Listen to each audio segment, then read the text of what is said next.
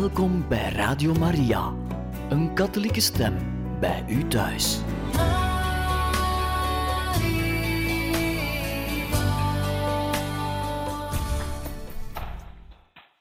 Van harte welkom, beste luisteraars, in het programma Catechismus. Vandaag kan u luisteren naar een tweede deel van een catechese over het mensgeworden woord, u gebracht door eerwaarde heer Dirk van der Linden. Het brood is uit de hemel neergedaald om ons te verkwikken en te voeden, om ons te laten proeven hoe teder, hoe lief God wel is, om ons eeuwig leven te schenken, om ons Gods glorievolle identiteit mee te delen, om ons reeds op aarde een anticipatie te geven van het hemels gastmaal. Het kindje Jezus is ter wereld gebracht in Bethlehem. En de naam van deze stad betekent stad van brood. Het kindje is ook geboren in een kribbe. Waarvoor dient een kribbe anders dan om voedsel te geven aan de dieren, zoals aan de os en aan de ezel? Christus is het voedsel uit de hemel neergedaald, brood uit de hemel, panis de cielo. Niemand van ons kan zo zacht zijn als Jezus zelf. Zo teder, zo minzaam is God op aarde gekomen in dat kleine kindje met kinderoogjes, kinderwimpertjes, kinderteentjes, met de lieftalligheid eigen aan elk kind. En het kindje ligt in de meeste kribben met zijn armpjes opengespreid, alsof het wil zeggen: Pak mij maar eens vast, ik ben hier voor u. Ik ben er helemaal voor u en voor alle mensen van alle volken. Het blote, broze kindje Jezus brengt aan alle mensen met een ontvankelijk hart deze blijde boodschap. Jullie worden allemaal bemind en wordt met mij kind van de Vader. Word kinderen van God. Word zusters en broers van mij en van elkaar. Toen wij als mensen verloren waren en uitzichtloos en niet wisten waarin of waaruit, is God zelf willen naderen om mee te delen hoezeer Hij ons lief heeft. In zijn eerste briefje schrijft de evangelist Johannes: Het leven dat bij de Vader was, is verschenen. En het heeft zich aan ons getoond. Dierbaren, de eenvoud, de deemoed, de schuchterheid, de timiditeit waarmee Maria en Jozef in de kerststal bij de kribbe aanwezig zijn, is om op onze beurt ook stil te worden. Zij vragen geen enkele aandacht voor zichzelf, maar ook geen enkele. Zij kijken naar het kindje, zij beminnen het kind, zij aanschouwen het kind. Daar ligt de grootste rijkdom van heel de mensheid. In het kind Jezus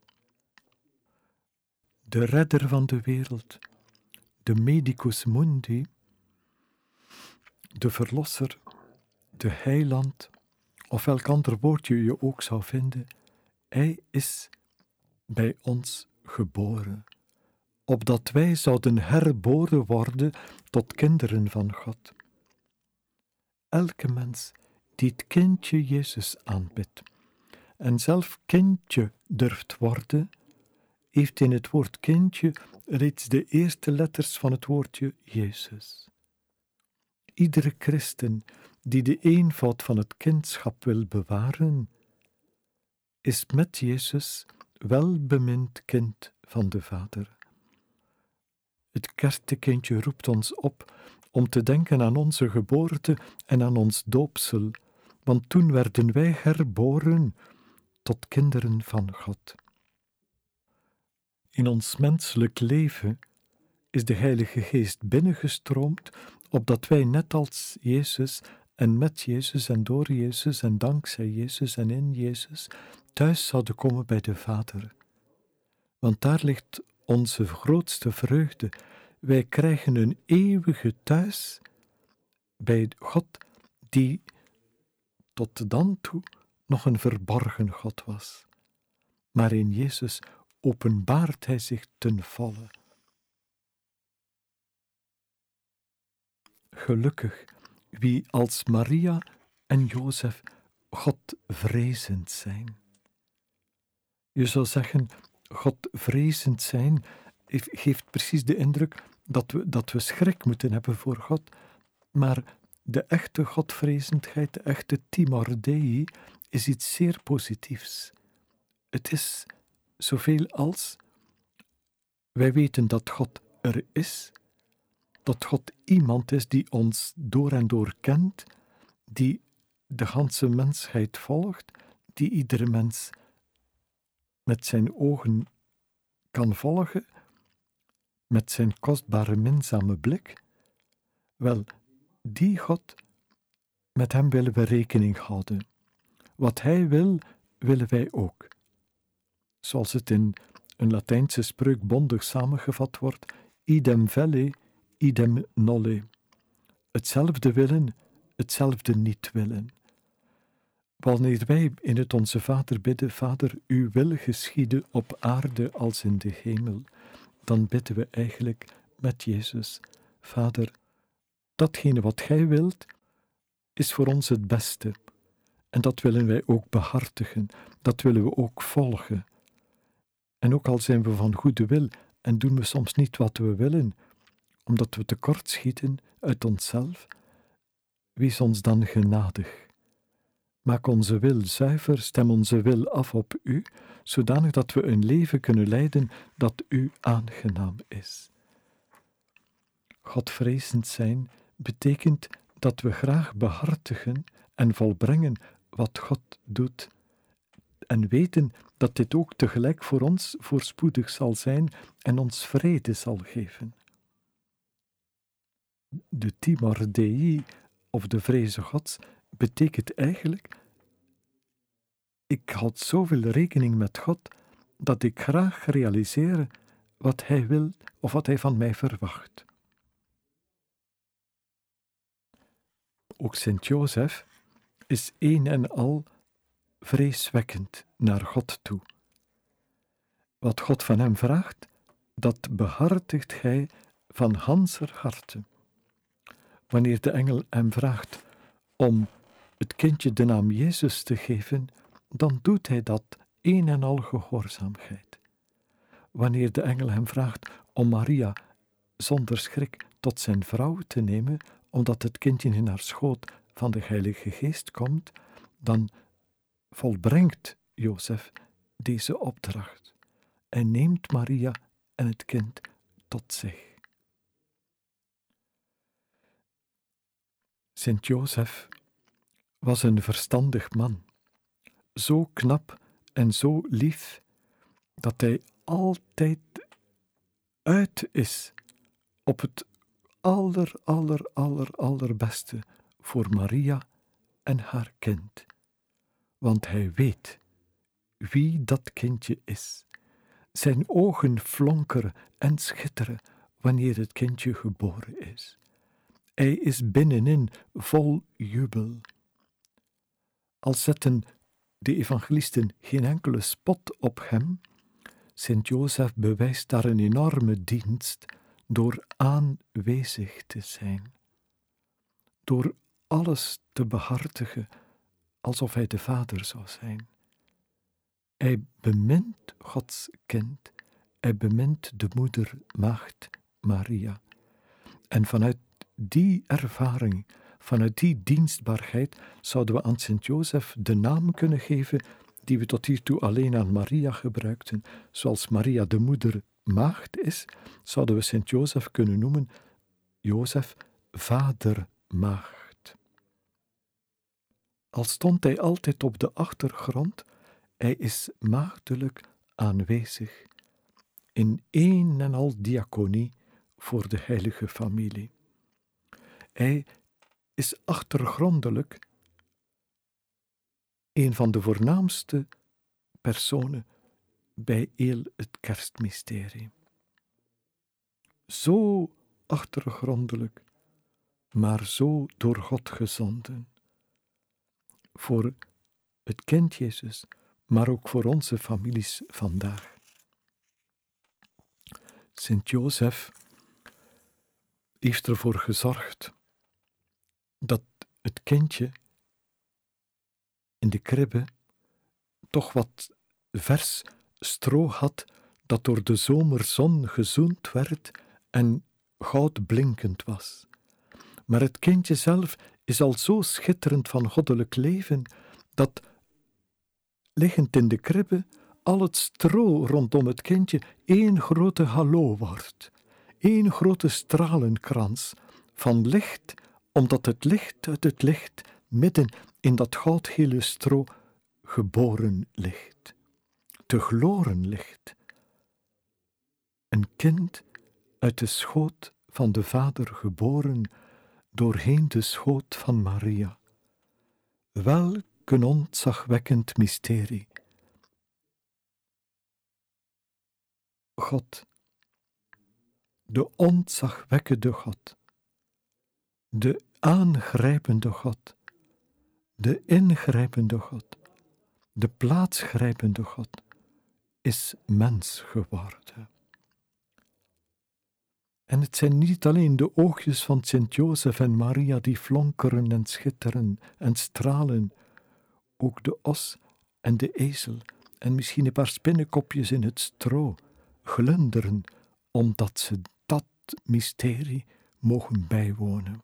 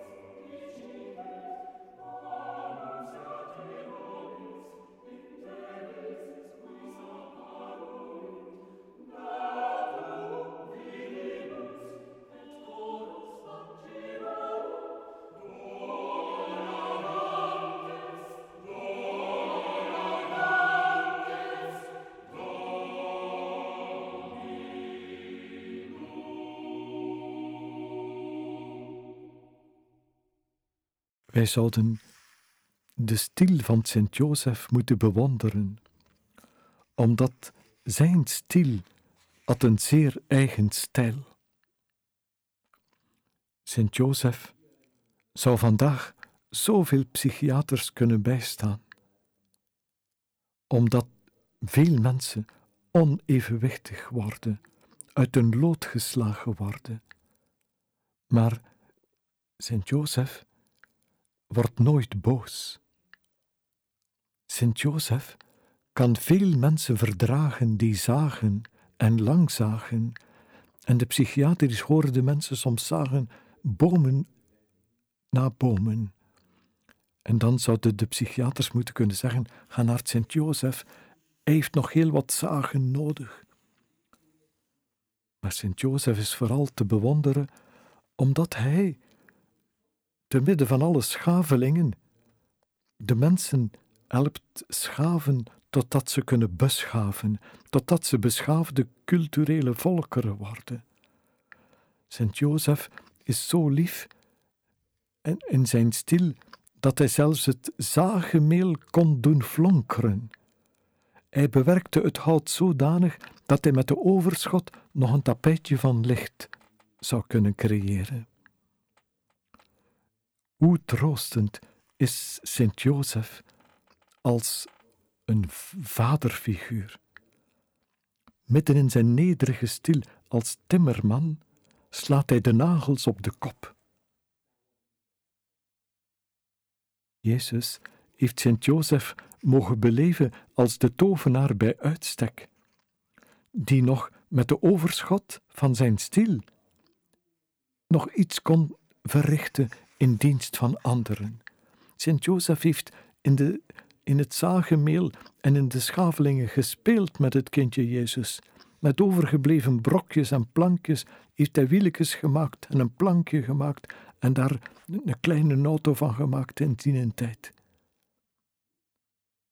Sint Jozef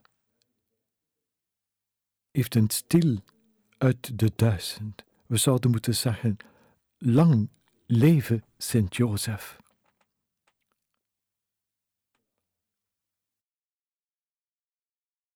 Dierbaren, tot slot wil ik u nog dit meedelen.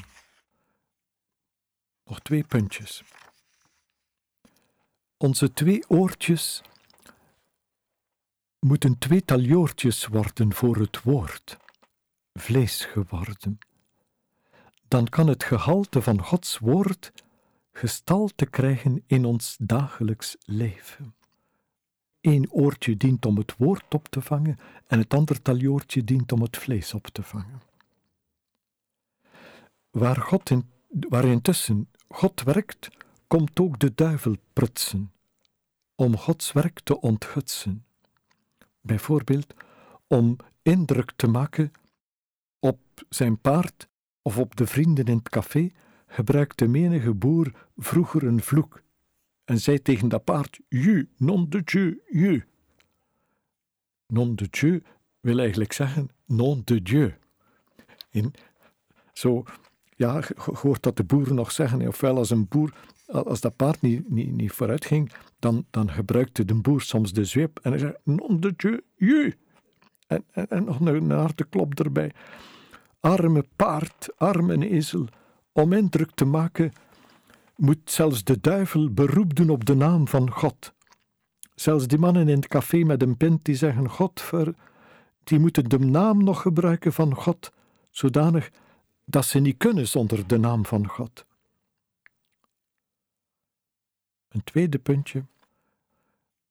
In deze mooie kersttijd nodig ik u uit om allemaal bloedverwanten te zijn van de zaligmaker, van de heiland.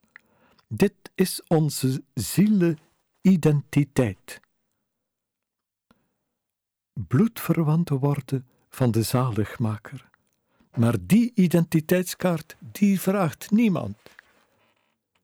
Wij hebben een paspoort dat past op de poort van de hemel. Wie luisteren naar Jezus' woorden en er naar handelen, die steken de duim naar omhoog en die zeggen: vooruit, mee met Jezus naar de hemel. En welk, wat is ons paspoort? Wij zijn verwanten van Jezus. En wie wordt verwant van Jezus? Zij die het woord van God horen en er naar handelen. Dat zijn mijn moeder, mijn zusters, mijn broers, zegt Jezus. Wij weten van wanten, want Christus, Gods Zoon, mag zichzelf zijn in ons. Hij woont in ons en werkt in ons, en dichter dan we durven dromen, wil Hij in ons wonen. Wij gaan de toekomst tegemoet zoals Jezus ze geschilderd heeft op het einde van het Matthäus-evangelie. Zie, ik ben met u alle dagen tot het einde van de tijden. Als Jezus onze leidsman is, onze gids, onze gezel, stellen wij het wel. Wij varen wel zoals zijn eerste vrienden in hun vissersboot. Bij storm openbaarde de meester zich als redder in nood, als een machtig ingrijpend woord aan boord, zozeer dat water en wind hem gehoorzamen. Ooit werd de kleine profeet Jonas overboord gegooid omdat hij niet had geluisterd naar wat de Almachtige God hem vroeg. Maar Jezus gooit niemand overboord. Hij verwacht alleen dat wij Zijn woord vertrouwen en in praktijk brengen. Dat ons hart en heel ons wezen een oord wordt waar bovenaardse stromen kunnen binnenstromen. Ons verstand, ons hart, ons geweten zijn als een kleine afschaduwing van de drie ene God. Wij baden in de weldaden en de genaden van God. De gloed waarvoor we gevoelig zijn, komt van Jezus kostbaar bloed. In elke Eucharistie hebben we teder en geweldloos zijn lichaam ontvangen en gegeten, om niet te vergeten dat Hij de rest van ons leven in ons aanwezig is en bezig is. Dierbare luisteraars, wij zijn allemaal bruggetjes van het recent verleden naar de recente toekomst. Wij zijn verantwoordelijk om met gezond boerenverstand, onder bezieling van de vurige geest, ons te laten heiligen. Zo geven we hoop aan de komende generatie. Jezus wil zich openbaren in u en in alle evenwichtige gelovigen. Jezus rekent op ieder van u om zijn menslievendheid verder te openbaren. Je mag meevaren in de boot in het schip van de kerk. Vaart wel en de levenskone en doet God kennen en beminnen zoals Jezus. Zalige kersttijd.